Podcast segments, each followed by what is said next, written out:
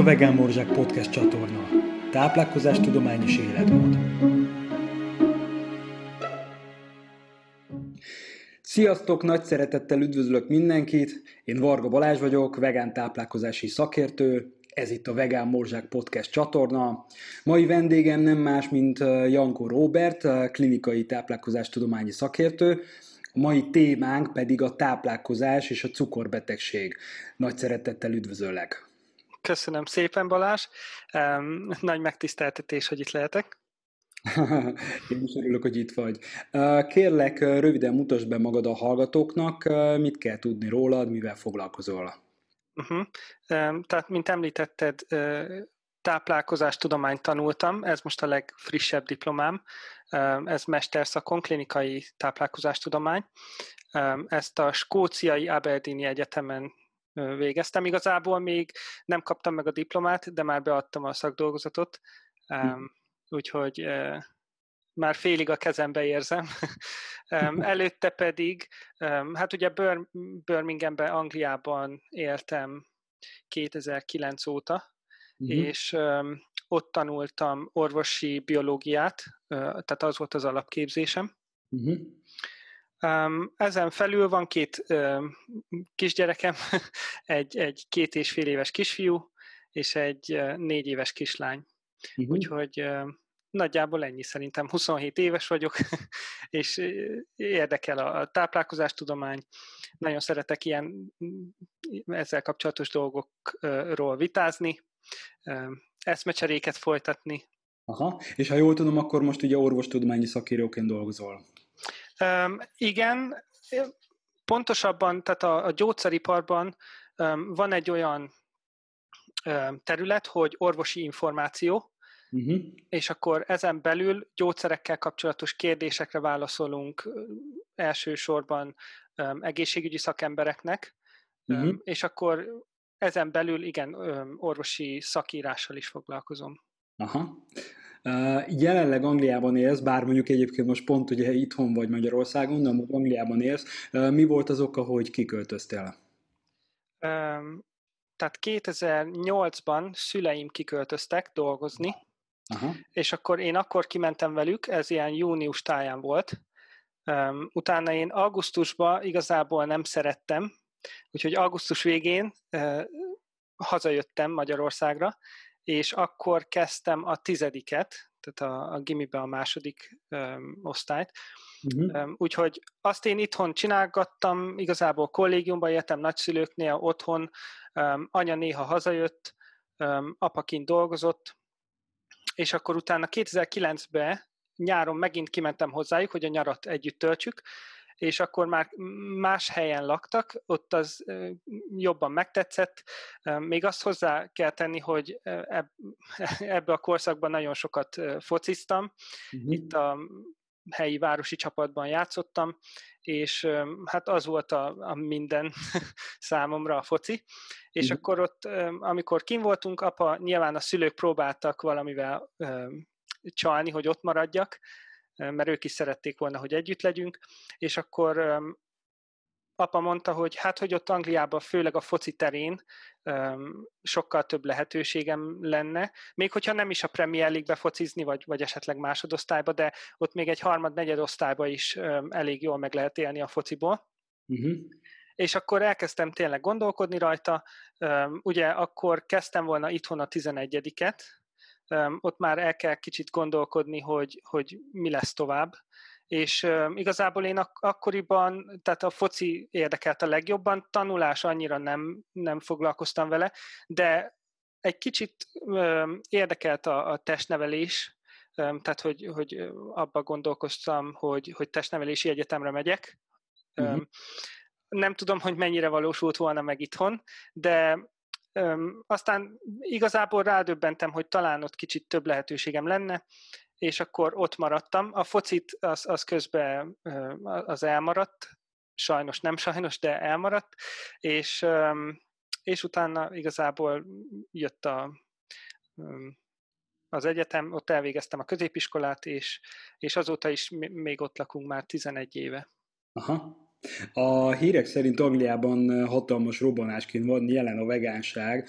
A, a lakosság közel 2%-a már vegánnak mondja magát, legalábbis a, a statisztika ez mondja, ezt mondja. Ez mennyire figyelhető meg így a mindennapokban? Igazából nagyon. Tehát főleg az utóbbi mondjuk két-három évben uh-huh. um, igazából a, a, a boltokban rengeteg opció van, egyre több ezek a hús alternatívák, sajt alternatívák, tehát igazából ezek feldolgozott élelmiszerek, de, de rengeteg pénzt ölnek a, a multik, a cégek, még húsipari cégek is, hogy kifejlesztenek különböző termékeket, amivel nyilván próbálják megtartani a, a klienseiket.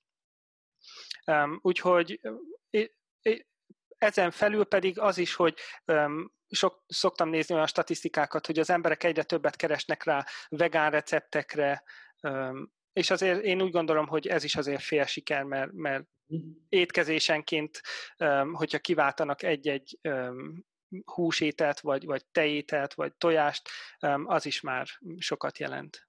Aha. Úgy tudom, hogy ha minden igaz, akkor ugye növény alapú táplálkozást követ. Honnan jön ez az érdeklődésed az egészséges táplálkozás iránt? Uh-huh. Tehát um, az apai nagyszüleim révén tehát igazából a apa ő adventista családban nőtt fel, hetednapi adventista, uh-huh. ami egy azok számára, akik nem tudják, ez, ez egy keresztény um, egyház, protestáns egyház, uh-huh. és um, az 1800-as években alapodott, um, alapult, és nagyon nagy hangsúlyt fektetnek az egészséges táplálkozásra. Kimondottan az Ellen White, aki az egyik egyház alapító volt, az ő írása, írásaira alapoznak, és tehát már az 1800-as évek óta Amerikában például voltak ilyen um, szanatóriumok, amik most már kicsit másabb a, jelentés egy szanatóriumnak, mint akkor.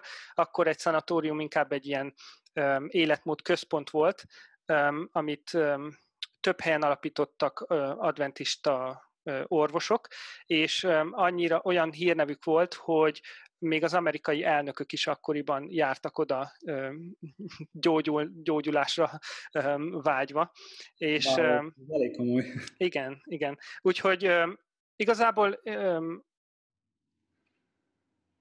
tehát édesapám révén adventista uh-huh. család is van a családomba, és akkor, amikor kiköltöztünk Angliába, ott, ott elkezdtem én is járni egyházba, és nagyon-nagyon sok előadást tartottak orvosok, kutatók, dietetikusok, és, és nagyon megfogott, hogy, hogy hogy mennyi minden van, amiről így igazából nem is hallottam, nem is tudtam. Uh-huh. A másik pedig az, hogy, hogy nagyon sok beteg van sajnos a családunkban, tehát apukám kettes típusú cukorbeteg, anyukám is, mind a négy na- nagyszülőm az volt, most már csak három év belőlük, de még mindig azok, úgyhogy nagyon sok krónikus betegség van a családban, igazából a biológia, a, a, az egészség, a sportolás az érdekelt mindig, de komolyabban akkor kezdtem el um, elhatározni, hogy, hogy ezt fogom tanulni, amikor 17-18 évesen elkezdtem járni az, az egyházba. Uh-huh, tehát akkor akartam is egyébként igen pont kérdezni, hogy, hogy akkor ez volt az oka, hogy táplálkozástudományi szakra mentél tanulni. Uh, tehát, hogy akkor időben ez nagyjából, nagyjából a döntés akkor egy időben történt meg. Igen, igen. Um, tehát először igazából az uh, Hát tehát ez még egy egyetem előtt volt, Aha. és akkor utána, mondom olyan 17-18 évesen, és akkor utána um, ez igazából meghatározta, hogy akkor először azért tanultam orvosi biológiát, mert Ang- Angliában az orvosi egyetem az kétféleképpen működik. Um, lehet úgy, hogy egyből bekerülsz orvosi egyetemre, és akkor ilyen hat éves képzésen orvos leszel. Um, vagy van ilyen um, osztott rendszer, hogy, hogy um, elvégzel egy, egy biológiához kapcsolódó tantárgyat, ami lehet mondjuk három-négy év, és akkor azt beszámítják az orvosi egyetem, úgy tudom, két, első két vagy három évébe. Uh-huh. És, és én az elején igazából orvosi egyetemre szerettem volna menni, uh-huh. de, de úgy gondoltam, hogy ha orvosi biológiát tanulok, ez igazából egy általános tantárgy, amiben tanultunk anatómiát, fiziológiát, mindent, ami az orvostudományhoz kapcsolódik, Uh-huh. és akkor ez egy jó alapot adott. Utána szerettem volna befejezni, hogy, hogy az orvosi egyetemmel, de igazából a táplálkozás tudomány felé úgy éreztem, hogy az jobban húz, mint, mint, mint az orvoslás, mert ugye, ugye ott nem csak táplálkozás tudományjal foglalkozol. Igen. Igen. Közben ráébredtem, hogy én lehet, hogy nem is lennék túl, túl jó az, az orvosi szakmában, Aha. és akkor igen, utána úgy, úgy döntöttem, hogy táplálkozástudomány, és ezt folytatni is fogom szeptembertől PhD szakon. Aha, igen, a, mert úgy tudom, hogy ugye felvételt nyertél a PhD a doktori képzésre. Ott mi lesz a témád? Miből fogod írni a PhD-t? Igen, ez a Birmingham City Egyetemen lesz egy négy éves képzés, és Aha. egy keresztmetszeti vizsgálat keretein belül fogom vizsgálni a Igazából a krónikus betegségek előfordulását, tehát a daganatos betegségek, a szívbetegség, szív- és érrendszeri betegségek, és a, a cukorbetegség előfordulási arányát vegán, vegetáriánus, húsevő, halevő résztvevők között, és kimondottan az adventista egyházon belül. Aha. Angliában körülbelül 30-35 ezer adventista él, uh-huh. és igazából, amikor ugye az interneten szoktam vitázni a növényi étrendről, és, és gyakran az a vád éri a, a, a kutatásokat, hogy amikor egy tanulmány azt hozza ki, hogy mondjuk kevesebb esélye van, vagy kisebb a kockázata egy vegán vagy egy növényi étrendet követőnek a, mondjuk a szívbetegségre, akkor mindig azt mondják, hogy akivel össze, összehasonlítják a vegánokat vagy a vegákat, azok nem olyan egészségesek alapból. Uh-huh. Tehát lehet, hogy, hogy dohányoznak, lehet, hogy isznak, amíg a vegánok lehet, hogy sportolnak, egészségesen esznek, és akkor így nem csak a táplálkozás, ami a különbséget jelenti abban, hogy a kockázat csökken vagy nő. De viszont az adventista egyházon belül alapból a, a, a, a tagok nem fogyasztanak alkoholt, nem dohányoznak, így bármilyen különbség, ami megfigyelhető, az valószínű, hogy a táplálkozás következménye. Aha. És akkor itt még annyit megemlítenék, hogy, hogy nem tudom, hogy, hogy tudsz-e róla, de például um, Amerikában vannak, van egy város, a Loma Linda, Kalifornia államban, ahol igen, igen tehát ott, ott egy elég nagy adventista populáció él, akik mellesleg a világ öt legegészségesebb népessége között vannak, és őket nagyon nagyon sok tudós és, és tanulmány vizsgálta, de Angliában és Európában nem, nem, tehát nincsen ilyen jellegű tanulmány, és mint említettem, ez, azért lesz jó, mert, mert ez kimondottan a táplálkozás hatásait fogja felnagyítani, mert alapból az alapegészsége az embereknek az, az hasonló lesz. Aha. És nincsenek hát, zavaró tényezők. Hát ez, ez szuper izgalmasan hangzik, nagyon, nagyon kíváncsi leszek majd a, a végeredményére, úgyhogy ez, ez biztos egy nagyon izgalmas és, és szakmailag jó dolog lesz, és hát gondolom ez majd, ezt majd publikál, publikálod is magát. Igen, igazából szeretnénk több, több publikációt kihozni belőle. A jelenlegi diszertációm a mester szakon az a bétasejt működéssel volt kapcsolatos, és a, és a, a növényi étrend, tehát hogy az inzulin kiválasztásra milyen hatással lehet a növényi étrend. Uh-huh. És a, a tanárom, aki, aki segített a szakdolgozat megírásában, meg, meg mentorát, ő azt mondja, hogy, hogy szerinte ezt kellett volna tovább vigyen PhD fokon, mert, mert a klinikai vizsgálatok ebben a e, témában egy az, hogy nagyon kevés van. Kimondottan egy egy kutatócsoport van, aki, aki erre fókuszál, és akkor ez kicsit vesz a hitelességéből olyan Igazából nem azért, mert, mert a kutatócsoport nem jól végzi a kutatásokat, hanem az, a, a különböző pénzügyi érdekeket ilyenkor számon szokták venni, és akkor, hogyha, hogyha csak egy ember hoz ki bizonyos eredményeket, akkor azt nem így a tudományos világban kicsit megkérdőjelezik, de hogyha más, más ö, csoportokból, laborokból is ugyanazok az eredmények jönnek, az nyilván csak hozzáad a, a bizonyítékokhoz. Uh-huh. És erre ezt is szerettem volna ö, tovább folytatni, de ez igazából ezt klinikai vizsgálat keretein belül lehetne. Én uh-huh. pedig a, a, a munka miatt nem tudok ö, teljes időben betegekkel foglalkozni, mintákat venni, nyilván vért, amiből esetleg a, az inzulin, a, a vércukor, illetve a, a C-protein, ami ugyancsak a, a béta funkciót tükrözi. Tehát e, ez, ez nagyon nagy igen, munkássággal. Erre, igen, azért erre lehet, hogy egy, azért egy, tulajdonképpen egy, tényleg egy csapat kell, egy klinikai csapat, egy apparátus, aki, tehát ez, ez azért ez mondjuk nem egy emberes munka. Igen, igen, igen. Úgyhogy ezt szerettem volna, ez, ez sajnos nem kivitelezhető jelenleg. Uh-huh. A jövőbe talán, nem tudom, de most ezt is nagyon várom, hogy, hogy, hogy milyen lesz.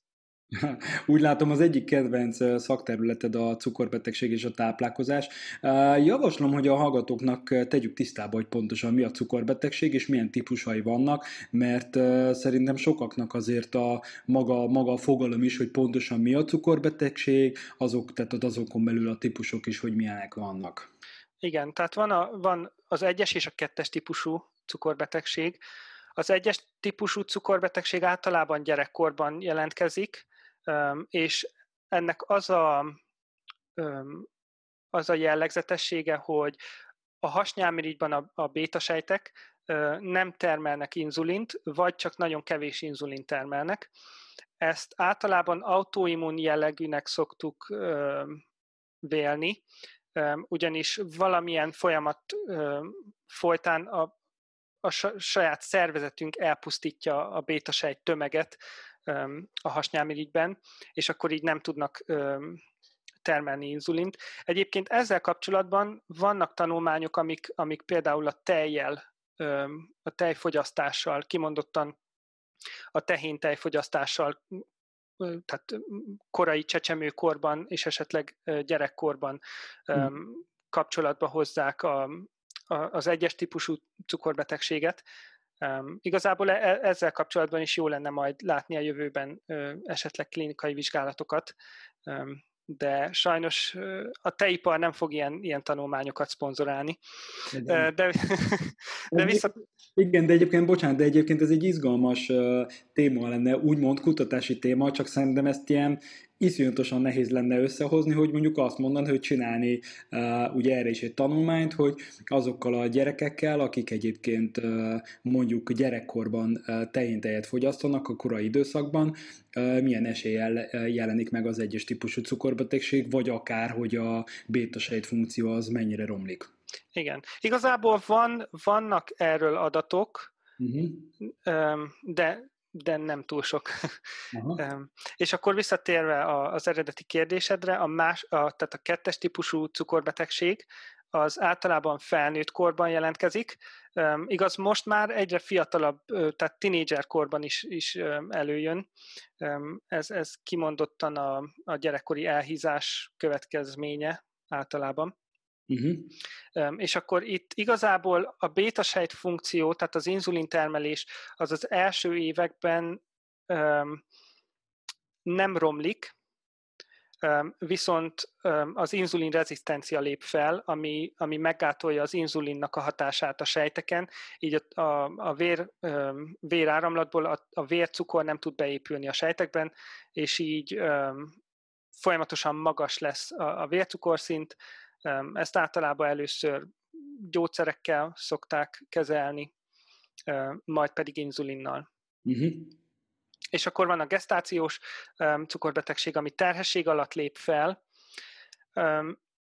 Igazából valamilyen szinten ez egy természetesnek vélhető folyamat, mert inzulinrezisztencia terhesség során az fellép, és ugye ennek az a, ennek a folyamatnak az a biológiai alapja, hogy megpróbálja a szervezet, az anya szervezete megpróbálja a cukrot és a tápanyagokat a véráramlatban tartani, hogy, hogy ezáltal a, a babához jusson, és, és az anya szervezete pedig ne raktározza el a cukrot. Uh-huh. De nyilván ez, ezzel kapcsolatban is például az elhízás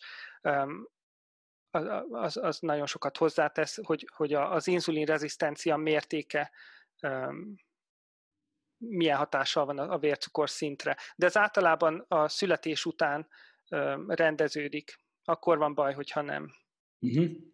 Uh, egyébként a cukorbetegség kapcsán ugye muszáj beszélnünk a szénhidrátról, mert a lakosság körében nagyon gyakori az a helytelen képzett társítás, hogy a szénhidrát okozója a cukorbetegségnek. Mit mond ma a tudomány a szénhidrát és a cukorbetegség kapcsán? Igazából ez, ez, ezzel a témával kapcsolatban nagy a sötétség sok helyen, még, még a szakterületeken is, tehát a, a szakembereknél is. Mm. Igazából a tanulmányok, a tudomány az, az egyértelműen kimutatja, hogy, hogy azok, akik magas szénhidrát tartalmú étrendet követnek, azoknak a, a a cukorbetegség kialakulására való kockázata sokkal alacsonyabb azokéval szemben, akik magas zsír és esetleg magas fehérje étrendet követnek. Itt az a, itt az a fontos, amit, amit, amit meg kell említsünk, hogy a szénhidrátnak ugye két forrása van, a finomított és, és a teljes értékű. Uh-huh. Tehát a finomított mondjuk a lisztek, esetleg a fehér is, a, a sütik, a cukrok, a fehér cukor, tehát amikor én azt mondom, hogy, hogy magas szénhidrát diéta az véd a cukorbetegség ellen, a tudomány szerint, akkor nem a cukorra gondolok nyilván, Uh-huh, igen, um, hanem a, a chipsekre. igen, igen, meg nem a chipsekre. Um, de, de alapvetően nem, tehát nem, nem a cukor, a szénhidrát fogyasztása okozza a cukorbetegséget, és akkor, tehát ezt a megfigyeléses vizsgálatok, a cohorts vizsgálatok, amik több tízezer, több százezer embereken végeztek az utóbbi 10-20 évben, ezek egyértelműen bizonyítják, hogy, hogy azok, akik több növényi forrásból esznek szénhidrátot, illetve növényi fehérjéket és zsírokat, sokkal alacsonyabb a vércukorszintjük, sokkal kevesebb az esélye arra, hogy, hogy cukorbetegek lesznek, mint azoknak, akik magas, magas zsírtartalmú étrendet követnek.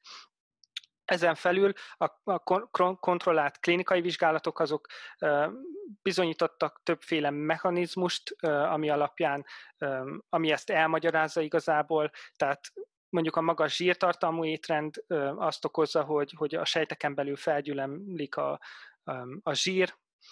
Igazából, hogyha nagyon sok finomított szénhidrátot fogyasztunk, akkor ez is eredményezheti azt, hogy, hogy felgyülemlik a, a, a zsírsejteken belül a zsír, és akkor ez különbözőféle um, problémákhoz vezet, tehát alapvetően az oxidatív st- stressz a sejteken belül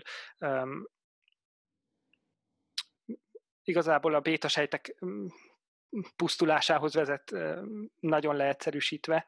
Uh-huh. De itt kimondottan nem maga a szénhidrát okozza ezt,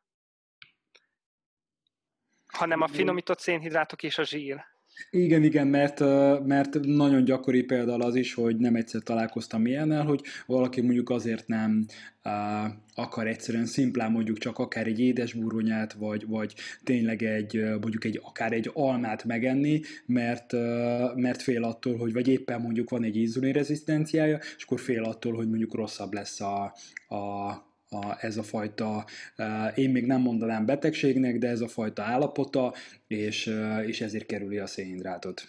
Igen, de ezt a, ezt a a diagnosztizált beteg ezt nem magától gondolja így, hogy ha megeszem azt az almát, akkor, akkor rosszabbodik az állapotom, vagy hogyha egészséges vagyok, és túl sok banánt teszek mondjuk, vagy túl sok zappelyhet, akkor cukorbeteg leszek, hanem ezt ők tanulják valahonnan, vagy valaki mondja nekik.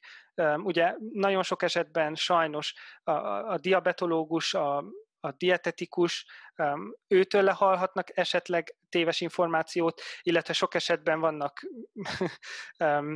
a, a, a, esetleg a, a közösségi oldalakon követ, több ezer követőt követővel rendelkező fitness guruk, vagy, vagy esetleg um, igazából kutatók nem, nem, nem jellemző, hogy, hogy, hogy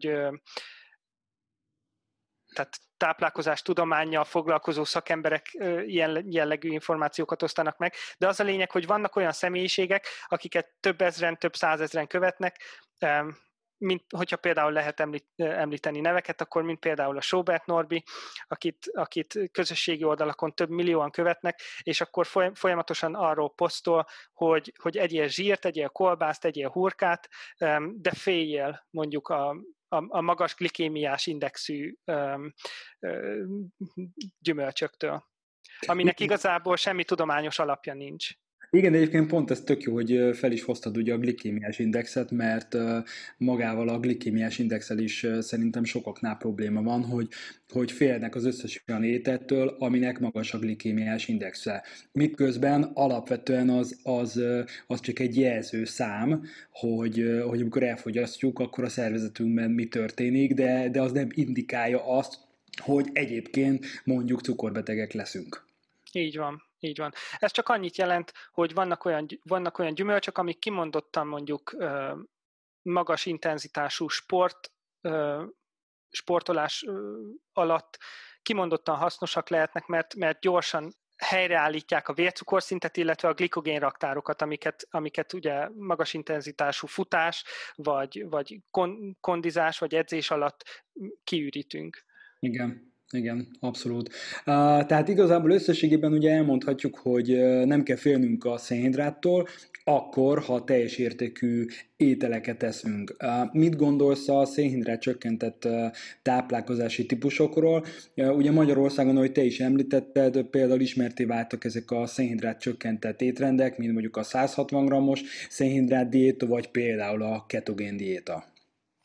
Igen. Alapvetően nem gondolom, hogy, hogy egy magas zsírtartalmú étrend az, az egészséges lenne, és azért nem gondolom azt, mert, mert a tanulmányok, a szakirodalom az, az elég tiszta azon a téren, tehát eléggé egyértelmű, hogy a magas zsírtartalmú étrend növeli a, a krónikus betegségeknek a, a kockázatát. Uh-huh. Um, igazából manapság egyre um, gyakrabban lehet hallani a, mondjuk a vegán étrenden belül a ketogén diétáról. Igen, igen, igen. Ezzel kapcsolatban az adatok, tehát nem, nem túl sok adat van e, e, erről. Találtam egy pár klinikai vizsgálatot, de és amik elé, hogy őszinte legyek, a mondjuk a vér, vérlipid szintekkel kapcsolatban nem mutatnak romlásokat, ami igazából egy alapvetően egy, egy zsírtartalmú étrendnél az az első számú gond, hogy, hogy ugye a koleszterin szintet a, és, a, és a különböző vérzsír szinteket felemeli. Ez eddig nem azok a tanulmányok alapján, amiket én olvastam, azok, azoknál nem jellemző, de visszatérve a, mondjuk az állati zsírból eredő ketogén étrendekre, ugye itt is az utóbbi években nagy vita tárgya volt, hogy most a koleszterin akkor, tehát például a telített zsírsavak emelik a koleszterin szint, szintet, vagy nem, mert ugye egy ketogén diétában sok, sok telített zsírsavat eszünk, amire azt szoktuk mondani, hogy az a, azok a rossz zsírsavak, igen, de és... egyébként, amúgy, bocsánat, egyébként nagyon jó, hogy megemlítetted, ugye, mert, a, mert ugye a ketogén diétát, meg főleg akik mondjuk akár, nem, nem is akarom feltétlenül azt mondani, hogy csak a ketogénesek, hanem bárki, aki mondjuk a, a magas állati fejrés, állati zsír étkezésről beszél, ugye ők kvázi, nem is azt mondom, hogy azzal védekeznek, csak ők ezt hozzák fel példaként, hogy a hogy ugye a telített zsírok, és az, hogy megemelkedik a, tehát az állati eredetű telített zsíroknak a fogyasztása, vagy például az, hogy megemelkedik mondjuk a, az LDL koleszterin szint, az nem probléma, és az nem jelent hosszú távon egészségügyi kockázatot. Igen, csak az a baj, hogyha, hogyha a hosszú távú, tehát mondjuk a 10-20 éven át tartó um, kutatásokat nézzük, amik, amik uh, ilyen embereket követtek. Egy az, hogy, hogy uh, ketogén diétát követő embereket ről nincs adat ilyen hosszú ideig. Ami van, az ilyen egy-két éves tanulmányok átlagban. Mm. Igazából a híza, a, vagyis a, a, a testzsír veszteségen kívül más előnyt nem, nem lehet nekik tudni, de, de alapvetően ugye a, a nyugati étrendet követők, akik alapvetően elég magas zsírtartalmú étrendet követnek, ő náluk egyértelműen megfigyelhető, hogy a magas zsírtartalmú étrend növeli a koleszterin szintet, növeli a, a, a telített zsír, zsírsavak tartalmát, és, és ezáltal sokkal nagyobb az esélyük a, kimondottan a szív- és érrendszeri betegségekre. Úgyhogy szerintem ez elég egyértelmű. És, és pont akartam említeni, hogy most 2020 májusában a, a Cochrane csoport akik igazából egy független ilyen tudományos kezdeményezés. Ők szoktak különböző témákkal kapcsolatban átvizsgálják a szakirodalmat, és kihoznak egy, egy metaanalízis keretein belül kihoznak egy, egy ajánlást általában. Ezek annyira befolyásosak, hogy, hogy igazából az országok orvosi irányelvei az ilyen Cochrane ö, szisztematikus elemzésekre alapulnak, uh-huh. és most 2020-ban publikált a Cochrane ö, kollaboráció egy, ö, egy tanulmányt, egy metaanalízis, nem tudom, hogy ez, ezt olvastad-e, a, ami a telített ö, zsírtartalmú diétákat vizsgálta, és azt találták, hogy a telített zsírtartalmú étrend ö, csökkentése, tehát hogyha csökkentjük a telített zsírsavak ö, fogyasztását, ez 21%-kal csökkenti a szív- és érrendszeri betegségek kialakulását. Igen, ezt, ezt még nem olvastam. És hát ugye ennek azért van jelentőség az ilyen típusú uh, tanulmányoknak, mert, uh, mert főleg az ilyen kutatócsoportok, ezek uh, olyan, uh, olyan háttértámogatással rendelkeznek, amelyek nem, nem uh, érdekeltek semmilyen lobbiban, hanem olyan egyetemek, országoknak a nemzetközi szervezetei, amiknek az a fontos, hogy legyen egy hiteles, uh, jól publikált eredmény. Igen, és igazából ez, ez pont jókor jött, mert, mert egyre nagyobb háttérzaja volt igazából ennek, a, ennek a ketogén és, és különböző zsírtartalmú étrendeknek, és úgy tűnt, mintha ez, ez vitatott lenne a szakirodalomban, azért, mert, mert bizonyos média személyek esetleg vitáztak róla, de a szakirodalom az, az, az eléggé egyértelmű, és akkor ez most nagyon jókor jött. Tök jó, tök jó. Kicsit visszakanyarodva a cukorbetegség kapcsán, nemzetközi berkekben két, hát illetve több is van, de én két komoly egymástól külön dolgozó szakértői csapatot ismernek, és ismerek, akik számos könyvet és publikációt adtak már ki arról, hogy a kettes típusú cukorbetegséget vissza lehet fordítani, az egyes típusú cukorbetegséget pedig kordámmal lehet tartani. Dr. Neil Barnard, a, a Physicians Committee for Responsible Medicine orvosa, és egyébként Cyrus Kambat, a Mastering Diabetes szakértője. Ők azok, akik főleg leginkább így a, a nemzetközi porondon így ismertebbek. A kérdésem az az, hogy tényleg ennyire evidens lenne, hogy vissza lehet fordítani a kettes típusú cukorbetegséget, és az egyest azt pedig kordában lehet tartani? Igen, igazából ezt, ezt pont jókor, jókor kérdezed, mert a, a, a szakdolgozatomban ilyen jellegű klinikai vizsgálatokat vizsgáltunk. Um, tehát, tehát olyan vizsgálatok, amik, amik a növényi étrend hatását vizsgálták a, a, a diabéteszre, hogy, hogy képesek-e a, a, az inzulint kiválasztó bétasejtek javulni, tehát több inzulint esetleg termelni, és, és mindenféleképpen igen. Sajnos egyelőre még nem túl sok adat van erről, hmm. tehát az én szisztematikus elemzésem az három klinikai vizsgálatot elemez. Sajnos nem tudunk belőle metaanalízist csinálni, de mind a három klinikai vizsgálat, amit az USA-ban és, és Csehországban végeztek, mind a három azt bizonyította, hogy, hogy igenis az inzulin termelés és az inzulin rezisztenciát javítani lehet kimondottan van a Newcastle Egyetemen egy professzor, aki a táplálkozási és tehát táplálkozástudományok és, és az orvosi részlegnek a, a professzora, és úgy hívják, hogy Roy Taylor. Uh-huh. Igazából ő egy, egy már egy bácsi, de, de az utóbbi 10-15 évben kutatta a, a, a cukorbetegséget, és ő kimondottan a, a bőjtölés, és tehát a, a nagyon alacsony kalóriatartalmú étrend és a, és a, a bétasejtek közötti kapcsolatot vizsgálta. Nagyon sok publikációja van. Igaz, hogy, hogy nem úgy, úgy népszerűsíti a tanulmányait, hogy, hogy növényi alapú, de, de igazából az, nem vegán, mert vannak olyan tanulmányok, ahol tehát alapvetően ilyen 600 és 800 kalória tartalmú étrenddel elősegíti a, a, a résztvevőkben a fogyást, uh-huh. ami azt eredményezi, hogy kimondottan a máj és a hasnyálmirigyről ugye a, a, a zsír, ami a zsír réteg, ami, ami le van rakódva, az le tud tisztulni, uh-huh. és ő, ő azt az ő tanulmányai alapján úgy tűnik, hogy olyan 10-15 kilós fogyás után a bétasejt funkció elkezd javulni, uh-huh. és, és olyan, nem tudom, hogy, hogy erről szeretnél-e beszélni, hogy, hogy esetleg van-e olyan, olyannyira elhaladott cukorbeteg, akinek talán nem segít az étrendi beavatkozás, igen, egyébként ezt pont akartam is volna ennek kapcsán kérdezni, hogy, hogy például hol van az a pont, ahol vissza lehet, vagy nem lehet visszafordítani, tehát hogy mik ezek úgymond ezek a pontok, hogyha, hogy például a hasnyálmirigy annyira leterhet, az, hogy mennyire a, a például még egy erősebb diétával, mit, mit lehet kezdeni.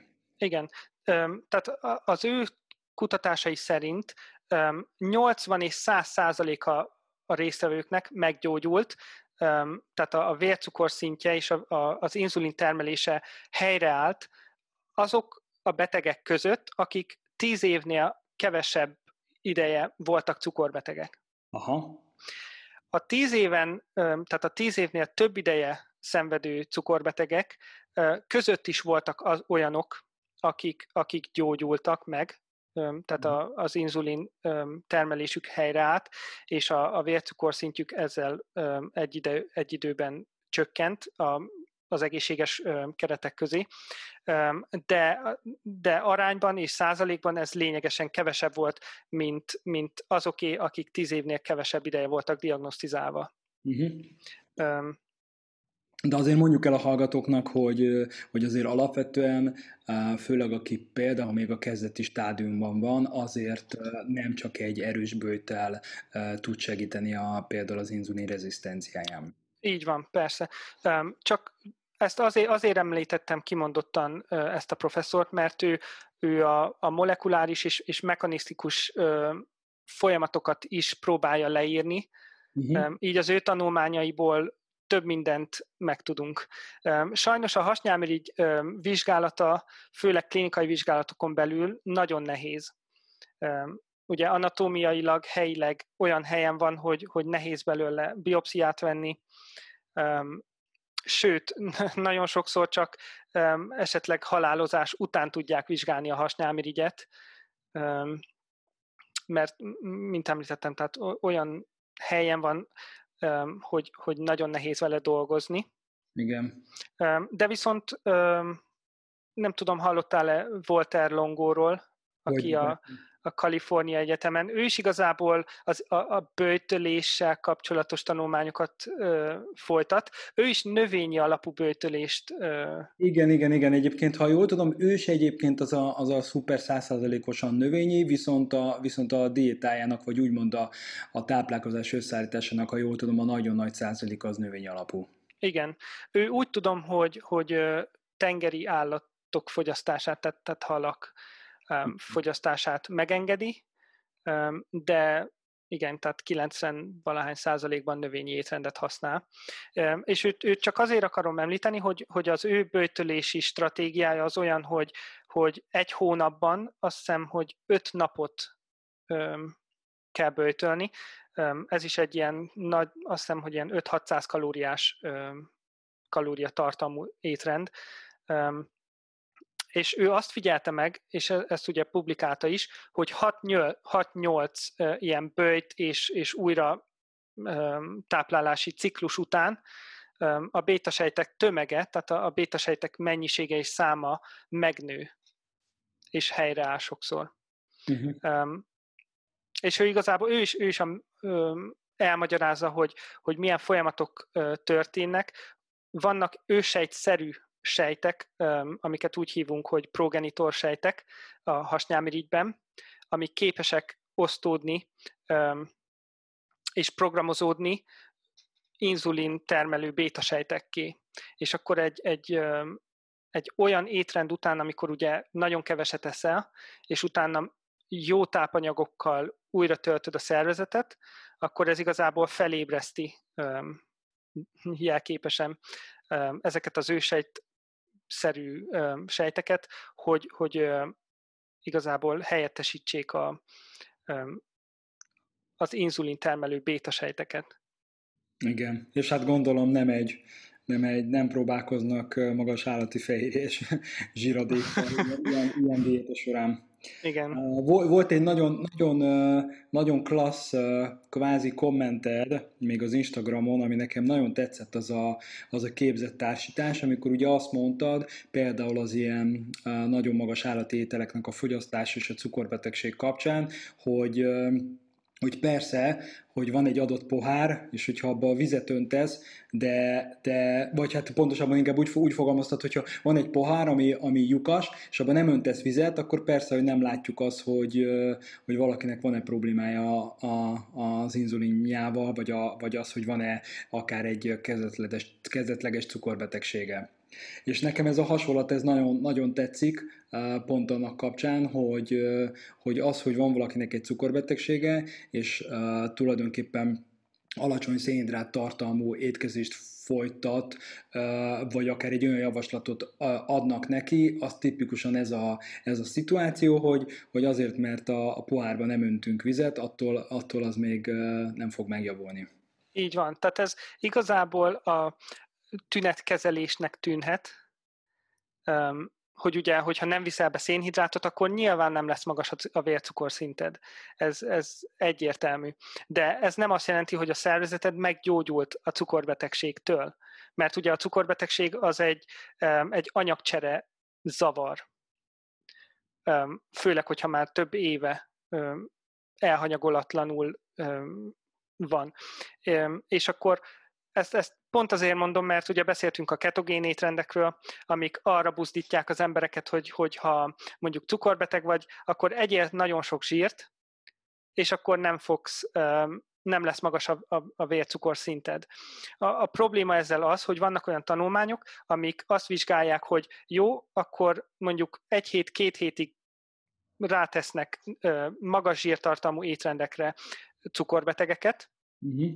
vagy még akár ö, egészséges embereket is, és utána csinálnak egy cukortesztelést, illetve terhelést. Igen. És, és ilyenkor derül ki, hogy a magas zsírtartalmú étrend folytán a bétasejtek inzulin termelése, illetve az inzulin rezisztencia az, az izomsejteknél, az nem, hogy, hogy javulna, de romlik. Igen. Hát igen, tehát ez, ez pont, pont az, a, az a szituáció, hogy szőnyeg alá söprés. Így van, pontosan. Igen. Um, igazság szerint a, az utóbbi években, ahogy ugye beszélgettünk még a, a, ott ugye a terhességi a cukorbetegség kapcsán, hogy az utóbbi időben egyre több, többször hallom például így kismamáktól, hogy van terhességi cukorbetegsége, és pont ezek a kismamák félnek például gyümölcsöt is enni, miközben ugye a, a gyümölcs a világ egyik legegészségesebb étele, és, és alapvetően mindenkinek azt kellene ennie. Mit gondolsz erről? Igen, igazából pont elmondtad, hogy, hogy nekem személy szerint mi a legnagyobb problémám a ketogén és, és magas zsírtartalmú étrendekkel. Nem feltétlenül az, igazából az is, de nem, nem csak az, hogy, hogy arra buzdítják az embereket, hogy magas zsírtartalmú étrendet kövessenek, hanem az, hogy a legegészségesebb ételektől öm, taszítják el őket. Igen. Tehát, hogy egy ember ránéz egy banára, és azt hiszi, hogy az egészségtelen. Igen. Öm, de igazából egyetlen egy tanulmány sincs a világon, ami azt bizonyítja, hogy, hogy azok, akik, akik sok gyümölcsöt fogyasztanak, magasabb a vércukorszintjük, vagy magasabb a kockázatuk, hogy, hogy cukorbetegek lesznek. Igen. De viszont például van egy 2008-as tanulmány, ami 18 évig követett több mint 70 ezer embert, és azt találta, hogy kb. 20%-kal csökken a diabétesz kockázata azok közt, akik sok gyümölcsöt esznek. Akkor van mondjuk egy 2014-es metaanalízis, ami ugye ilyen cohort tanulmányokat, tehát olyan tanulmányokat nézett, ami, ami az embereket vizsgálta több éven keresztül, ez nem kontrollált körülmények között, de, de folyamatosan figyelte, hogy, hogy most évről évre hogy alakul az egészségi állapot a, a résztvevőknek, és itt egy adag gyümölcs hozzáadása naponta, tehát az, hogy mondjuk egy almával többet megeszel naponta, ez 7%-os kockázatcsökkenést jelentett a diabéteszre nézve. Azért ez szerintem nagyon durva. Ez, ez azért eléggé, eléggé erős szám, azt gondolom. Igen. Hát, hogy itt, itt, itt nem, nem alacsony százalékokról beszélünk. Nem. És, és mint említettem, ez csak egy adag gyümölcs hozzáadása. Igen. Érdekes mód talán egyébként a hallgatóknak azt érdemes elmondani, hogy megtévesztő lehet az, amikor például mondjuk egy, egy blogon, vagy például mondjuk akár egy sportolói szakértői oldalon, amikor beszélnek a gyümölcs fogyasztásról, és kvázi annak a károsságáról, ott ugye sokszor magát a fruktozt hozzák fel példaként, és a kicsit elmosolyogtató az az, hogy egyszer megnéztem egy ilyen blogcikket, és megnéztem azt a tanulmányt, amire hivatkozott, és ott tényleg ott volt, hogy a fruktóz az hosszú távon nem egészséges, csak amikor elolvassuk a tanulmányt, akkor abból kiderül, hogy az az iparélag előállított fruktózról szól, és ugye nem a, nem a teljes értékű gyümölcsről. És talán igen, a hallgatóknak ezt érdemes még egyszer így ismétlésképpen kihangsúlyozni, hogy hogy természetesen a növényi étkezés is, hogyha az feldolgozott formában fogyasztjuk, például mint fruktosz formájában, mondjuk akár egy fruktosz szirup formájában, az, az tényleg tud gondot okozni, de ha teljes értékű egész gyümölcsöt fogyasztunk, akkor nem. Így van. És ez egy nagyon fontos um, különbség. Tehát mi nem azt ajánljuk az embereknek, hogy cukrot tegyenek, fehér cukrot, um, szirupokat, cukrokat, mert azt mind a ketten elismerjük, hogy az, az nem egészséges és az egészséges életmód még növényi alapon is nem erről szól. De viszont a gyümölcsök és a gyümölcsökben lévő cukor, ami rosttal párosul, tehát amikor megeszed, az nem, nem egyből megemeli a vércukorszintet, hanem, hanem folyamatosan órákon keresztül szépen megemelkedik, és utána ö, nem lemegy a sűjesztőbe, hanem ugyanúgy normális kereteken belül lecsökken. Igen. És kimondottan ugye említetted a, a terhességi cukorbetegséget.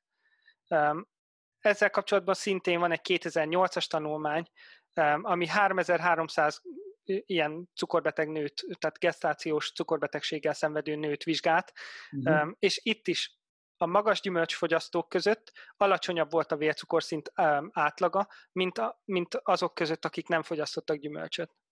Tehát erre igazából semmilyen bizonyíték nincs. Ami a gyümölcsökkel kapcsolatban a cukorbetegekre nézve problémás lehet, az a facsart levek, ahol ugye a rostól megfosztjuk a, a gyümölcsöt, és kimondottan akkor, ha mondjuk mennyiségileg olyan mennyiséget fogyasztunk el lé formájában, mint amennyit tehát egész gyümölcs formában nem tudnánk elfogyasztani. Így, így, így, amikor kifacsarjuk a levét a gyümölcsnek, akkor ugye ott, ami marad, az a víz és a cukor nagyjából. Igen rost nélkül. Hát vagy, vagy, vagy nagyon kevés rost. Tehát, hogy igen. Igen, az, igen, én is egyébként ezt szoktam javasolni, hogy, hogy az ilyen jellegű italokat tényleg nagyon, tehát minimalizálni kell, pláne aki, aki cukorbeteg, annak meg aztán pláne hiszen hiába hirdetik a, a cégek, hogy, hogy ebbe csak gyümölcs van, és nincsen cukor, oké, okay, de igazából nem teljes értékű, mert az a rost mennyiség és az a gyümölcs hús mennyiség, az nincs benne. Tehát ők nem azt csinálják, hogy fognak, nem tudom, egy kiló narancsot, vagy egy kiló almát, és abból egy az egyben egy kiló egyfajta gyümölcs lépüré lesz, hanem, hanem az sokkal inkább egy iható, folyékony, állagú ital lesz, aminek a rosnak a, egy nagyobb mennyiségét eltávolítják. Így van, tehát nem egy turmix lesz, amiben a gyümölcsnek minden része benne van. Igen. Um, hanem igazából egy cukros lé, amiben nyilván vannak vitaminok is talán, de, és jó, jó, most ebből fogyaszt valaki egyet mondjuk egy héten, vagy, vagy amikor szeretne, az, az egy dolog, de rendszeresen napi fogyasztásra azért én nem ajánlanám. Igen. Ha már szénhidrátok és táplálkozás, akkor érdemes egy picit beszélni a fogyásról is, nem csak a cukorbetegségről. Sokan azért nem esznek szénhidrátot, ugye, ahogy már előbb is beszéltük, mert félnek attól, hogy elhíznak, azt gondolom, hogy itt szóba kellene hozni a másik két fontos mak- makronutriást is, a fehérjét és a zsírt is, hiszen a három így együtt, együtt szerintem tárgyalandó. Szerintem tegyük a hallgatóknak tisztába ezt a kérdéskört. Tehát, hogy szénhidrát, fehérje, zsír, és ugye, ahogy tipikusan említettük is, sokan azért akarják teljesen lecsökkenteni a szénhidrátot, és megemelni a fehérjét, meg a zsírt, mert hogy akkor nem csak a cukorbetegség, hanem hogy a fogyás. Igen. alapvetően itt, itt egy olyan probléma van, hogy elterjedt a, az inzulin és, és szénhidrát um, okozta fogyás általi hipotézis, um, ami azt feltételezi, hogy ha eszel cukrot, az felemeli az inzulin szintet a vérben, és ez azt okozza, hogy, hogy, hogy hízol. Um, úgy szintén ez azt okozza, ő, ő szerintük, hogy a bevitt szénhidrátot a szervezet átalakítja zsírrá. Ezt úgy hívjuk, hogy de novo lipogenézis, tehát amikor a szervezet cukorból készít szénhidrátot. Igen. Na most ezt rosszul fogalmaztam, tehát amikor cukorból készítünk zsírt. De van egy olyan tápanyag, amiből nem szükséges, hogy, hogy egy ilyen folyamat által zsírt készítsünk, mert már az, az pedig a zsír. Tehát a zsír, a zsír fogyasztása során nem kell, hogy megemelkedjen az inzulin szint, és ezáltal átalakítson valamit a szervezet zsírrá, mert ugye azt viszed be. A zsír a, a sejtek ö, zsírmembrányán ö, nagyon szépen át tud folyni, ugyanis zsírból van az is. A cukornak ugye különböző um, um, csatornák vannak, amik fehérje molekulák, és akkor azok segítik, ezért fontos az inzulin, ami igazából megnyitja ezeket a csatornákat, amik lehetővé teszik, hogy a cukor befolyjon a sejtekbe. A zsírfogyasztása során erre nincs szükség, mert csak, csak úgy át tud folyni a, a lipidmembránon. Uh-huh. És ez azért fontos, mert nem csak a cukor képes arra, ami igazából, tehát a de novo lipogenézis, amikor cukorból szén, zsírt készít a szervezet, ez, hogyha a kalória értékelken belül étkezel, akkor igazából ez, ez csak egy minimális százalék. Uh-huh. Nyilván, hogyha túl, öm, túl leszel a kalória igényeden, mondjuk 2500 kalóriát égetsz el egy nap, te megeszel 3000 kalóriát mondjuk szénhidrátból, akkor azt nyilván valahogy a szervezetnek raktározni kell. Először raktároz glikogént, és hogyha esetleg marad ö, többlet, akkor azt átalakítja zsírrá a szervezet. De ugyanez, pont valamelyik nap olvastam egy 2019-es tanulmányt, ami azt vizsgálta, hogy ha túl etetsz emberekkel fehérjét, ami itt a ketogén diétáknál kimondottan fontos, mert ugye azt ajánlják, hogy sok fehérjét egyél, és sok zsírt. Uh-huh. Mert akkor, akkor nem fogsz cukorból alakítani zsírt, és amit megeszel zsírt, az pedig, az pedig elégeti a szervezet, és az nem rakódik le. Igazából erre semmilyen bizonyíték nincs, de, de most mindegy, ez nem lényeg, hanem visszatérve arra, hogy, hogy ez a tanulmány azt vizsgálta, hogy ha magas fehérjeit rendet etetnek emberekkel, akkor annak milyen következménye lesz. Uh-huh. Az esetleg megnöveli-e a, a de novo lipogenézist.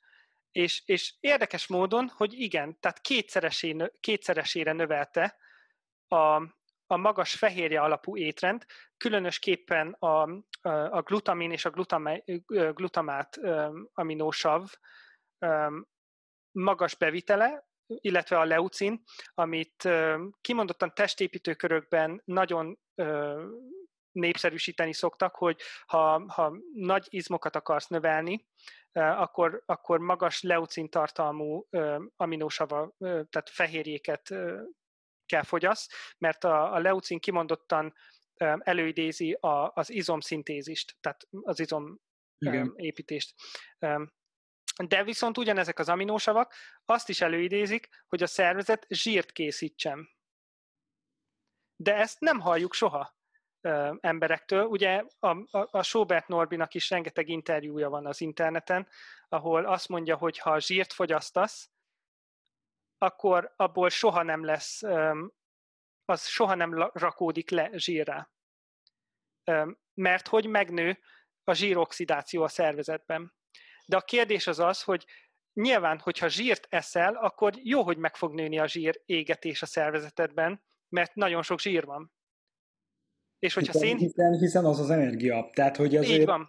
Igen. Igen, de hogyha szénhidrátot eszel, akkor jó, hogy alacsonyabb a, a, a zsírégetés, mert, mert szénhidrátot égetsz. De, de, de zsír, tehát az, hogy megnő a zsíroxidáció, a zsírégetés, az nem azt jelenti, hogy az a te raktározott zsírsavjait, tehát a, a zsírsejteket égeti el a szervezet, hanem azt a zsírt, amit megeszel. Igen. Hát azt gondolom, hogy, hogy ez tényleg egy, egy, egy nagyon fontos információ, főleg azoknak, akik így gondolkodnak azon, hogy milyen úgymond táplálkozási típust válaszanak. Igen. És akkor nem tudom, hogy, hogy hallottál, hallottál már-e a, egy ilyen amerikai táplálkozástudományi kezdeményezés, az a nevük, hogy NUSI, NUSI. Ez egy ilyen igazából az, az, a, az a lényege, hogy ebben a inzulin szénhidrát fogyás hipotézisben hisznek. Az egyik a, a dr. Péter Atia, aki egy amerikai orvos, neki nagyon sok ilyen TED, TED előadása van. A másik pedig a Gary Tubes, aki úgy szintén több könyvet írt erről a, arról, hogy mennyire káros az inzulin. Igazából tanulmányokkal eddig nem tudták alá, alá támasztani ezeket a kijelentéseket, és akkor megalapította ez a két, hát igazából a, a doktor, és azt hiszem, hogy a Gary Tubesnak csak egy ilyen fizika diplomája van, tehát nem táplálkozástudományi szakember. Uh-huh. Megalapították ezt a szervezetet, akik már körülbelül 500 millió dollár értékű értékben finanszíroztak tanulmányokat, és, és az a céljuk, hogy, hogy alátámasszák azt, hogy, hogy ha nem eszel cukrot, akkor nem fogsz hízni, és hogyha ha pedig zsírt eszel, akkor attól, attól sem fogsz hízni. Tehát, hogyha ha magas szénhidrát tartalmú étrendet követsz, akkor ugye megemelkedik az inzulin, és attól hízol, nem attól, hogy, hogy több kalóriát eszel, mint amennyire szükséged van. Ők ezt teljesen nevetségesnek tartják, és az a baj, hogy ez úgy tűnik um, bizonyos körökben, vagy, vagy esetleg egy interjúban, amit ők adnak, hogy ez egy vitatott tény az orvostudományban, miközben erről szó sincs, és pont ezért próbálnak finanszírozni tanulmányokat, és nem túl rég finanszíroztak egy tanulmányt, egy, egy kutatócsoport, a Kevin Hall, aki a amerikai Nemzeti Diabétesz Intézetben dolgozik, mint kutató, uh-huh. és neki adtak körülbelül úgy tudom, hogy olyan 10-13 millió dollárt, hogy, hogy végezzen egy olyan kutatást, ahol befektetik kórházba a résztvevőket, ebből úgy hiszem, hogy olyan 8 hétre, és minden héten két napot egy ilyen metabolikus kamrába kellett töltsenek, ahol mérik minden egyes energia leadást a szervezetből, és azt akarták bizonyítani, hogy azok, akik, akik, és ugye azt hasonlították össze, hogy volt egy csoport, aki magas szénhidrát diétát követett, és volt olyan, aki magas zsír diétát követett, uh-huh. és igazából ez volt a ketogén étrend, uh-huh. és a, a ketogén étrend ideje alatt a résztvevők körülbelül 100 extra kalóriát égettek el naponta. Uh-huh. De érdekességképpen, hogy nem, nem fogytak többet. Sőt, a magas öm, szénhidrát csoport többet fogyott, öm, nem tudom, most nem emlékszek pontosan, hogy hány grammal naponta, de az a lényeg, hogy többet fogyott a magas szénhidrát csoport, pedig a magas zsírcsoport több zsírt égetett, és elvileg napi 100 kalóriával többet égetett el. De ez a mérlegen és, és a zsír szövetekben nem mutatkozott meg. Úgyhogy ez volt, ez, ez, ez az egyik próba igazából arra, hogy, hogy bebizonyítsák, hogy megdöntsék a, a, a kalória egyensúly modelljét, tehát hogy a, a fogyást az határozza meg, hogy mennyit eszel, nem feltétlenül az, hogy most milyen tápanyag összetételben eszel. Uh-huh. Um, és akkor pont ugyanez a Kevin Hall, aki, aki elvégezte nekik ö, ezt a tanulmányt, ami érdekes igazából, mert hogy, hogy ugye itt azt láthatjuk, hogy, hogy egy bizonyos célra finanszíroznak egy tanulmányt, és a kutatócsoport nem, az, nem azt az eredményt hozza. Igen, egyébként ez, ez, ez érdekes, pont ezt akartam mondani, hogy azt gondoltam volna, hogy részre hajlóak lesznek, és közben nem. Igen, és, és ezután 2019-ben úgy hiszem a Kevin Hall publikált egy metaanalízist, amiben csak ilyen tanulmányokat elemzett, tehát ilyen, ilyen metabolikus osztályokon, tehát anyagcsere osztályokon, bélgyógyászati osztályokon befektetett embereket, ahol vizsgáltak, és, és azt hasonlították össze, hogy vajon azok, akik több zsírt esznek, tényleg többet fogynak-e és 32 kontrollált vizsgálatot talált, tehát ezek, ezek annyira kontrolláltak, hogy minden egyes falatot, amit az emberek a szájukba tettek, azt figyelték a kutatók. Uh-huh. Tehát itt nem az, hogy most egyél ezt, és akkor hazaküldték az embereket, és, és otthon ki tudja, hogy mit tettek, hanem itt tényleg megfigyelés alatt voltak heteken keresztül. Tehát, mint említettem, 32 kontrollált, vizsg- kontrollált vizsgálat eredményeit összesítették egy ilyen metaanalízisben. 563 résztvevő volt a, a 32 tanulmány, hogyha összeadjuk, akkor 532, 563 elnézést résztvevő volt, és az eredmények szerint az alacsony zsír, zsírcsoport, tehát azok, akik több szénhidrátot ettek és kevesebb zsírt, napi 26 kalóriával több kalóriát égettek el. Uh-huh.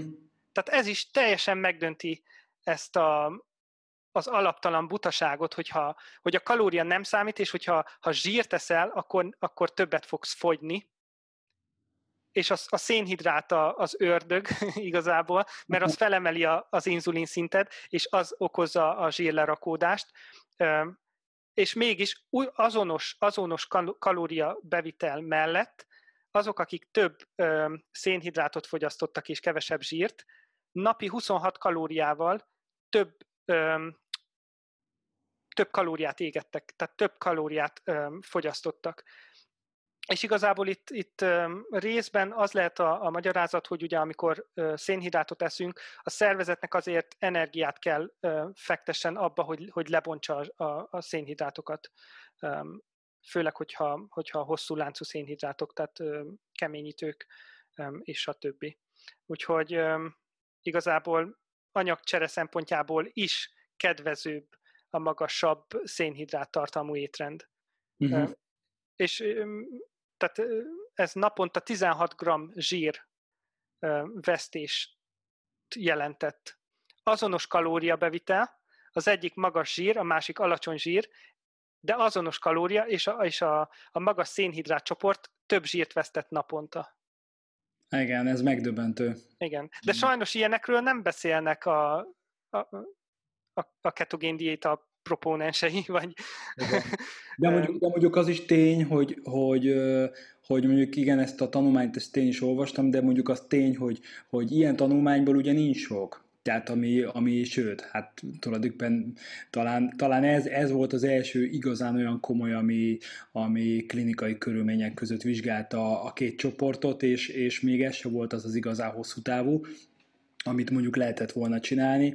Tehát, hogy azért itt a hallgatóknak nyilván el kell mondani, hogy persze egyébként ez egy tök jó eredmény, sőt, igazából ugye ez egyre jobban azt támasztja alá, amit eddig is tudtunk, hogy a magas szénhidrát alapú táplálkozás az, az, az nem egy veszélyes dolog, sőt, egészséges, és és hogyha lennének is hosszabb távú tanulmányok, azok is vélhetően vélelmezhetjük azt, hogy hasonló eredményeket mutatnának. Igen. Azért annyit um, hely, helyesbítenék, um, amit mondtál, hogy igen, az a, az első tanulmány, amit, amit említettem, hogy, hogy ez a cég finanszírozta, akik igazából azt akarták bizonyítani, hogy magas zsírétrenden többet fogy, fogysz, és akkor finanszíroztak egy kutatócsoportot, akik befektettek embereket kórházba.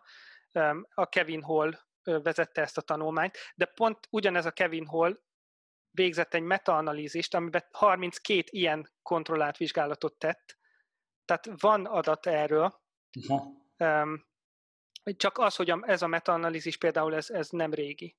Aha, De igazából ez szerintem azért is van, mert ez elég alapvető volt, hogy a kalória bevitel határozza meg, és a kalória egyensúly határozza meg, hogy te mennyit fogysz az 1900, nem is tudom, 80-90-es években az, az Atkins orvos kezdte el először talán népszerűsíteni a magas zsírtartalmú étrendeket. Igen.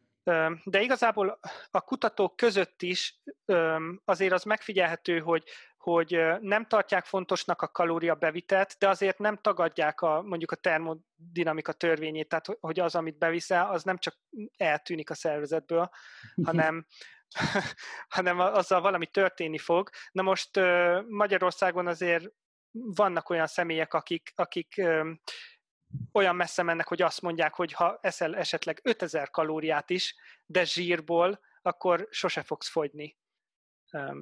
És azért ez, ez nem csak, hogy, hogy butaság, de, de életveszélyes is. Igen, vagy pontosabban sose fogsz hízni. Mert ugye Igen. Igen, igen, mert úgy fogyást mondtál véletlenül. Ja, bocsi, bocsi. igen. Hát igen, igen, tehát ez abszolút. Hát egyébként azt gondolom, hogy egész jól helyre tettük a dolgokat, de mit, mit gondolsz, miért van mégis, hogy szakértői körökben ennyi félreértés van, hogy mennyire korrektek és egyértelműek a táplálkozás tudományhoz kapcsolódott tanulmányok? Hát Véleményem szerint ez, ez, ez több komponensű.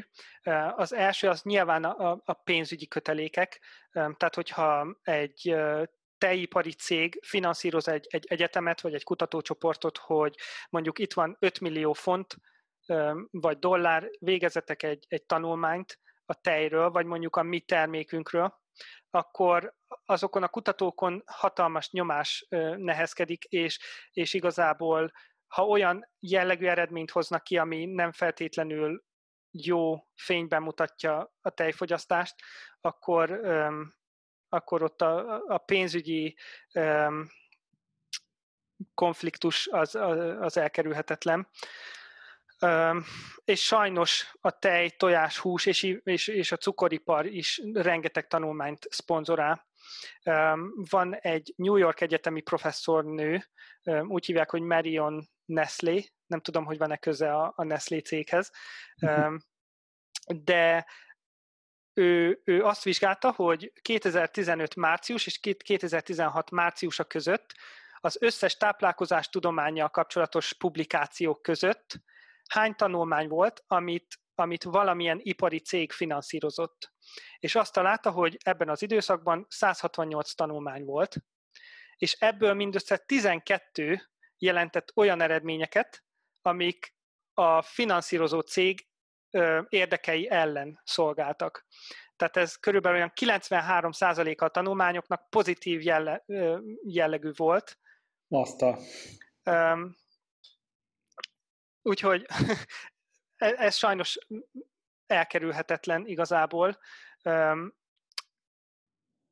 Hát van... és ugye itt, itt azért a hallgatóknak szerintem azért azt érdemes megemlíteni, hogy hogy azért itt, itt nem arra kell gondolni feltétlen, hogy mondjuk a kutatók tényleg egyáltalán nem is akarnak soha jót csinálni, vagy jót tenni, hanem itt inkább én például azt, azt emelném ki, hogy egy ilyen kutatást, főleg, hogyha az egy akár egy klinikai és egy jól összetett kutatás, azt egyszerűen nem lehet nem, vagy nem mindig lehet, hogy ritka esetben lehet uh, akár így non-profit uh, módon megoldani, vagy úgy, hogy akár egy nagyobb cég uh, ne támogassa, mert hogy ezeknek hatalmas nagy költsége van. Tehát egyrészt nyilván a, a laboratóriumok használata, a, hogyha van akár tényleg egy, egy komplet vérvétel, akkor, a, akkor az asszisztenseket, nővéreket, orvosokat foglalkoztatni. Tehát ez egy, az egy komoly munka, hogyha egy-másfél évig kell rajta dolgozni, és mondjuk lehet, hogy van akár mellékállása is, vagy valamit csinál, de jellemzően ugye ezek az orvosok, főleg azért kutatóorvosok,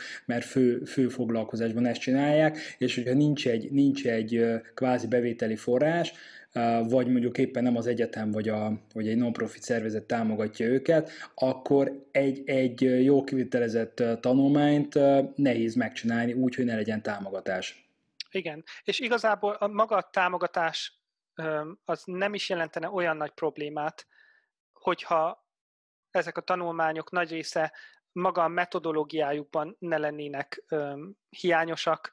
Igazából az év, az év májusában, tehát 2020 májusában publikáltak egy tanulmányt. Igazából ez egy metaanalízis volt, ami azt vizsgálta, vagy szisztematikus elemzés, ami azt, azt vizsgálta, hogy milyen kapcsolatban van a húsfogyasztás a, a mentális ö, egészségre. Uh-huh. És itt, a, itt igazából egy kutató publikálta ezt a szisztematikus elemzést, amit a amerikai marhatenyésztők társasága ö, támogatott. Úgy van feltüntetve maga a publikációban, hogy korlátlan támogatást ö, nyújtottak a, a kutató orvos számára, uh-huh. ö, és, és itt, itt sajnos nyilván, tehát maga az, hogy, hogy most ők ezt finanszírozták, ezt a tanulmányt, ez igazából nem lenne olyan nagy baj, de hogyha megnézed a tanulmányt, a, a, a különböző beválasztási kritériumok, tehát hogy ő milyen tanulmányokat választott be, hogy ő most ezt analizálni fogja, um, direkt kihagyott olyan tanulmányokat, mondjuk, amik, amik uh, ilyen uh, ételgyakorisági um, kérdőíveket uh, használtak, uh-huh. mert tudta, hogy azok a tanulmány, hogyha azokat is megfontolja ebbe a metaanalízisbe, akkor nem fogja azt az eredményt kihozni, mint amit kihozott, ami az volt, hogy a magas hús, tehát hogyha több húst teszel, akkor kevesebb esélyed van mondjuk a depresszióra. Uh-huh. De ugyanezt a tanulmányt meg, megcsinálta korábban, 2017-ben, ami nem túl rég volt, egy amerikai, elnézést, egy angol egyetem kutatócsoportja, az Imperial College kutatói, és ők pont azt találták, hogy, hogy a növényi étrend, tehát minél több növényi ételt eszel, és minél kevesebb húst, a kockázata mondjuk a depresszió kialakulására csökken. Igen. És ezt egy kutatócsoport csinálta, az idei tanulmányt, amit kihoztak, az pedig egy személy. És sajnos a népesség igazából ezt kicsit megköveteli, vagy ragaszkodik az ilyen, ilyen tanulmányokhoz, mert sokan nem lennének hajlandók. Mondjuk azt, mond, azt mondják neki, hogy a telített zsírok növelik a koleszterin szintet, ne, ne fogyaszt telített zsírsavakat, vagy szedd a koleszterin csökkentő tablettát. Nagyon sok ember azt választja, hogy inkább beszedi a gyógyszert, de azt teszi, amit szeret. Igen. Úgyhogy igazából mi, mi, mi, mint népesség nem követeljük meg a, a, a tudományos szakemberektől azt, hogy, hogy tehát nem, nem azt várjuk el tőlük, hogy, hogy az igazságot jelentsék feltétlenül, hanem azt, ami a legkényelmesebb igazság. Igen, van egy, van egy mondás egy amerikai orvosnak, hogy, a, hogy az emberek szeretnek jó híreket hallani a rossz szokásaikról. Mm, igen, pontosan. Igen. És ugye sajnos nincs egy szabályzó szerv, akár európai szinten, vagy, vagy állami szinten, aki, akinek az a feladata, hogy különböző egészségügyi táplálkozással kapcsolatos um, vizsgálatokat végezzem, um, aki bizonyos um, kijelentéseket megvizsgál, és akkor azt mondja, hogy igen, a, a telített zsírsavak igenis növelik a koleszterin szintjét, um, és akkor nem lehetnének mondjuk olyan emberek, mint, mint bizonyos celebek például, akik több millió embernek azt mondják, hogy, hogy tök mindegy, hogy mennyi telített zsírsavat eszel, mert az nem, nem lesz hatással a koleszterin szintedre. Igen. Egyébként pont dr. Neil Barnard is hozott már ki egy olyan publikációt, amiben arra hívja fel a figyelmet, hogy, hogy igenis egyébként azoknak a szakértőknek, akik egészségügyi vagy táplálkozás tudományi publikációt írnak vagy fogalmaznak, hatalmas a felelősségük, és, és ez azért is nagyon fontos, nem önmagában csak azért, mert esetlegesen a, a többi szakértőt vagy, vagy kutatót nem is azt mondom, hogy megzavarja, csak, csak, csak kvázi felesleges munkát ad nekik, hanem, hanem azért is, mert ezeket a publikációkat a mai modern világban a média felkapja, nagyon Igen. könnyen, nagyon hamar, leadják a New York Times-ban, a hírekben, aztán utána mi magyarok is ugye átvesszük, és, és egy avatatlan szemnek ez félreinformáció. Hála Istennek nyilván vannak más olyan szakértők, akik ezt észreveszik, és utána mondjuk a, a médiában kvázi nem is helyreigaztatást kérnek, hanem csak ők is elmondják a szakmai véleményüket, csak hát ugye ezzel az a baj, hogy például egy avatatlan szem, aki azt gondolja magáról, hogy ért a, ért a szakmai publikációkhoz, ő elolvassa, azt mondja, hogy hát de nézd meg, hogy ez a publikáció, ez mit mond, és akkor ezt kommunikálja az átlag embernek, miközben vannak olyan szakmai finomságok, mint amit te is mondtál, hogy mondjuk az étkezési gyakoriságok, kérdőívezések, hogy történik az elemzés, milyen próbát csinálnak, milyen elemzések alapján döntik el a kritériumokat, stb. Ezt egy átlagember, vagy akár még egy, egy olyan tényleg, aki nem tanult kutatásmódszertan, nem fogja tudni, és, és bizony ezekből igen erős félreinformációk fognak születni. Igen, és sajnos, a, a, mint említetted, a médián és a közösségi médián keresztül, um, hogyha megosztanak egy-két ilyen cikket, akkor úgy tűnhet, mintha erről a tudományos világ vitázna. Um, de igazából azok, akik értenek hozzá, azok nem vitáznak róla, mert tudják, hogy, hogy ez nem így van. Például egy, egy um, egyetemi, tehát egy, egy komoly táplálkozástudományjal foglalkozó um, kutató, én nem tudok egyről se, akit, akinek tényleg mondjuk doktori címe van, és megkérdőjelezi, hogy, hogy a kalória beviteled az, az uh, igazából uh, jelente valami, valamit is a, a, a fogyással kapcsolatban. Tehát, hogy, hogy azt megkérdőjelezni, hogy tök mindegy, hogy mennyit eszel, de ha zsírból leszed, akkor nem fogsz um, hízni, én, én olyan szakemberről, táplálkozástudományi szakemberről nem tudok, aki ezt így alátámaszza, főleg nem kutatómunkával. Igen. Most az, hogy, hogy esetleg egy orvos hogy vélekedik. Igazából az orvosok az egyetemi pályafutásuk alatt ugye rengeteg gyógyszertant tanulnak, anatómiát, gyakorlati orvostudományt, és, és a táplálkozástudományi ismeretük az, az közel se olyan, mint ami, ami megkövetelendő lenne. Igen.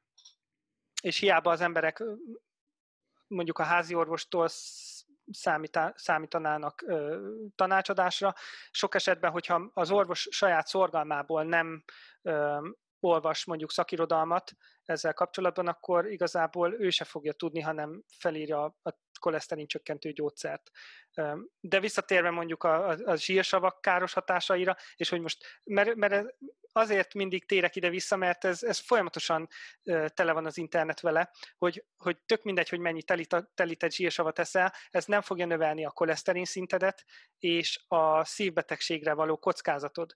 De de a biológiában van egy egyenlet, van egy matematikai egyenlet, a Hexted egyenlet, ami kiszámolja, hogy ha, ha ilyen százalékban fogyasztasz um, telített zsírsavakat, akkor a koleszterined ennyivel és ennyivel fog növekedni. Tehát ennyire biztosak vagyunk benne, és tudjuk, hogy a magas zsírtartalmú étrend mire képes, és mégis az emberek úgy próbálják feltüntetni a médiában és a közösségi médiában, hogy, hogy igazából ez nem így van. Uh-huh. Hát szerintem ez egy zárszónak tökéletes gondolat volt. Én köszönöm szépen a beszélgetést, köszönöm, hogy elvállaltad, és köszönöm, hogy itt voltál. Szerintem a hallgatóknak nagyon sok érdekes információt osztottál meg, és érdekes témákról beszélgettünk. Én, én azt gondolom, hogy a jövőben még fogunk hasonló témákról beszélgetni. Köszönöm, hogy elvállaltad, és köszönöm, hogy itt voltál.